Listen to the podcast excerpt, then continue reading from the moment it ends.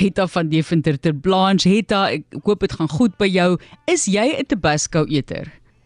Maar te lees nie, ek is nie eintlik 'n Tabasco eter. Ek het nie regtig groot geword daarmee nie ek ek weet nie mens moet seker nou nie oor die familie praat nie maar jy weet oor die van se huishouding was ons baie bang vir Tabasco ek hoop my een van my kinders wat nou tieners is is baie lief vir warm kos en ons het onlangs by ouma gaan kuier en ouma het toe vragies 'n botteltjie Tabasco iewers uit die kas uit opge uit diep maar is ek praat nou onder korreksie, maar daai botteltjie het in die vorige eeu al verval.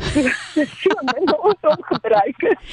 Ja, kyk, dit gebeur. Ek moes 'n ander botteltjie ook van 'n tipe russie nou die dag weggooi toe ek besef dit is al verval datum 2020, dan raak dit bietjie rof.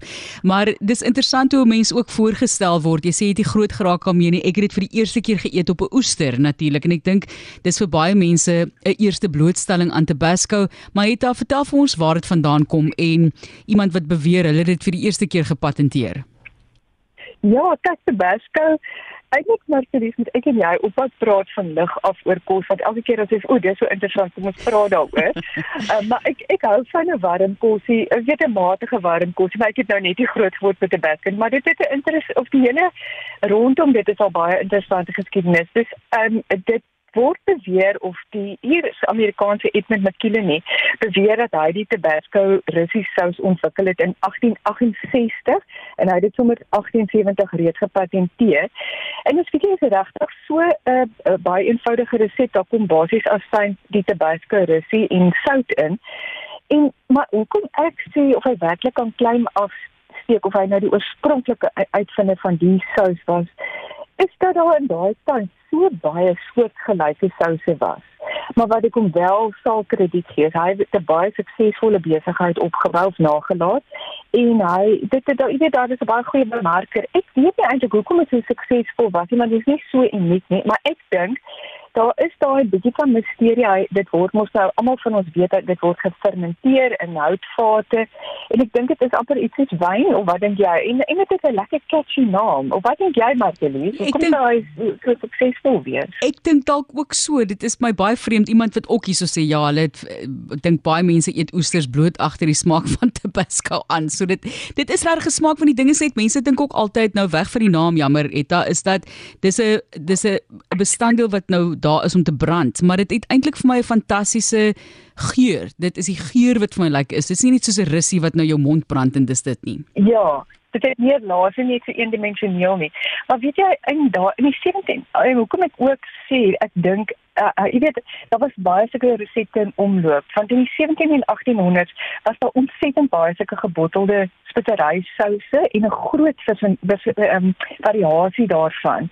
Ehm um, en later het hulle ook in ons sien dit of in resepteboeke en later in kommersiële ehm pro, um, produkte. Ek wil vir jou uh, 'n resep gee wat ek gekry het in 'n boek wat waarin voorin staan 1770.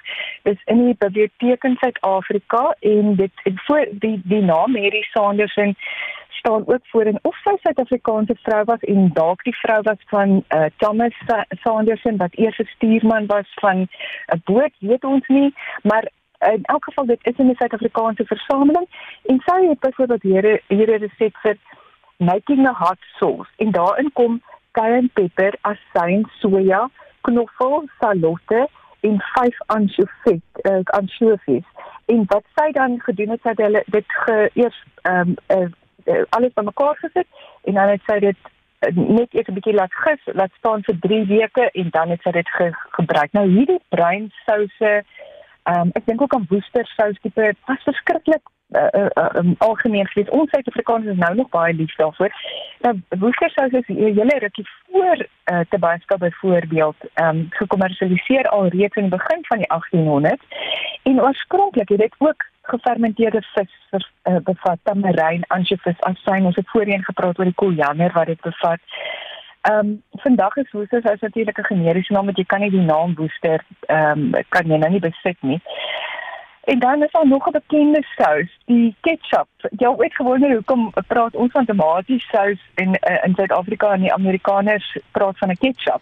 Maar ek weet nie van die naam nie. Ek is net dankbaar dat ons tomatiesous gebruik in die land en nie ketchup nie, want ek dink ons produk is net soveel beter of hoe, ek weet nie.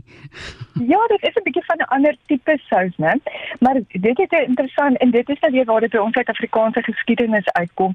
O, want jy weet, o, ek gaan jou nou vertel, maar die, die woord ketchup kom meer navorsings kom, kom eintlik van die Chinese woord ketchup of ketchup vir 'n vir 'n spesery sous of 'n gegiste vissous eintlik. En dan sou ook in Maleis die woord ketchup wat verwys na sojasous. So die Hollanders sou nou die Maleisiese woord na Europa geneem het van waar daar nou variante soos ketchup en ketchup want jy sien baie keer hulle spel dit C A T S U P ketchup in die ou uh, resepte. So dit het toe nou maar 'n algemene benaming vir hierdie souterige speserysouse geword. En as ek in die Oxford Woordeboek kyk, het dit die eerste keer in Engels verskyn in 1682. So dit is dit was nie net die Hollanders nie. Die o die die ehm um, Brittanje het natuurlik met sy handel gedryf. So in Brittanje sou ketchup ook bekend gestel gewees het deur die Oos-Indiese handel. En aanvanklik was ketchup dis nie 'n tomatiesous nie. Dit was eintlik 'n sout vis en pickle sous van hierdie Chinese Maleisiese sous. Dit het so verander later het daar meer speserye bygekom. Ons het 'n nuwe maniere begin eet. Jy weet, hulle in plaas van net maar met Indiese kos te gooi, het ons dit langs die kos as 'n bygereg geëet of net as 'n bysousie. En toe um, en as jy nou kyk in hierdie 18de eeuse boeke dan sien jy soos wat ek nou jou vir jou gelees het, dan sien jy nou baie anchovies, sojasous, champignon ketchup en ook eh, ook 'n neut ketchup het baie verskyn. So en elke eh, tweede persoon wou dit graag kommersieel op die rak sit. So daar was baie baie van van hierdie tipe souse gewees. Champignon ketchup. Dis die eerste keer ja, ek daarvan hoor. Dis nou interessant. Ja, ek het ek het 'n resep, ons het nou nie tyd om hom nie, maar ek het 'n resep ook van 'n champignon ketchup wat ook maar uit Mary Sanders en sy ene kom, waarin sy dan ook nou nogal sê dit uh, kan nogal baie lank hou. Ehm um, jy weet jy kan net tot 'n jaar. So en dan het ons uit gereis. Hulle het nou byvoorbeeld op 'n skip geklim. So dan moet jy net maar so ietsie saamneem want jy moet dan nou jy moet onthou jy moet jou kos ook saamneem as jy nou so uh, uh, gereis het daai tyd. Maar maar vir die die souse kom eintlik is eintlik niks nuuts nie. 'n Gefermenteerde vissous kom eintlik uit die uit die antieke beskawings uit. Al die Grieke en die Romeine het dit regtig werklik aan mas vervaardig. En hulle het dit eintlik garum of liquamen genoem. Daar was ook ander tipe benamings en dit moes 'n verskriklike stinkaffære gewees het. Hulle het alles van die die, die um, hulle het 'n olierige visie gebruik, groot of klein, selfs tuna en klein ansjovis vis uh, bloed die koppe alles die derms alles is gefermenteer. En dan hulle alles gebruik en dan dit het nou verskillende name gehad. Hulle sê byvoorbeeld die pickle sous of die sediment of elke of hulle meng dit met ehm uh, um, asyn of met wyn en dan het hulle dit nou op verskillende maniere gebruik. So in plaas van sout sal jy byvoorbeeld sien dat hulle likemin gebruik. En daar's 'n apicius Jy ek kan nou nie gaan tel nie, maar meeste van sy resepte gebruik hy nie sout en ek dink nie eers hy gebruik sout nie. Hy is in die tyd van Christus het daai boek min of meer geskryf, 'n bietjie later. Ehm um, en hy het die domein net likemin gebruik om om sy sout in sy kos te kry. En die, um, ek het gaan lees die grootste fabriek wat hulle in die Weselike Mediterrane gebied gevind het, vandag Marokko. Dit was 'n gebied waar daar 10 fabrieke vir die insit van hierdie vis hierdie likemin gebou is en dit het altesaam 'n kapasiteit van 1 miljoen liter gehad. Nou ek kan my nie indink hoe dit moet ruik as 1 miljoen liter vis besig is om te fermenteer. Jy kan Jo. Ja, dis interessant, dit wys jou net ja, hoe ver terug hierdie tipe van souse gaan. Ja, en en daar's ook oor umami gepraat. So daai dit het ook natuurlik verskriklik baie umami as gevolg van alle glutamaat in, hè. So daar kom ons weer by daai interessante deeltjie ook. Dis hoekom dit so lekker is. En nog iets wat interessant is, in 2010 het 'n navorsingsspan daar 'n garum in Pompeii gevind en geanaliseer. En hulle het tot die gevolgtrekking gekom dat daai Romeinse sous, kyk Pompeii is 79 na Christus onder uh, lava verdwyn. amper identies smaak soos vandag se suidoos Suid-Asiëse vissous. So jy sê jy seker ook liever 'n vissous in jou kos gooi, 'n taai kos. Jy kan nie eintlik taai kos maak sonder 'n vissous nie, né? Ek haat dit om dit in te gooi want ek moet aan die botteltjie vat en dan moet ek my hande was want dit dit ruik so sleg, maar die geur wat dit gee is net fenomenaal. Dit is ja. fantasties. Daai umami wat sy van praat, het ons ook bespreek. Dis ook op pot gooi. Het daar baie baie dankie. Dit is Tabasco en gefermenteerde speserysouse. Ek is so bly ons hoef nie buite staan terwyl dit fermenteer nie. So baie wat mense nog kan bespreek het daar. Ek dink regtig ek en jy moet maar gaan sit op video eendag en net alles opneem. Maar ek waardeer dit nou weet ons waar ons Tabasco vandaan kom. Geniet dit nou maar as jy oestertjie eet, dalk hier oor die naweek het, hè.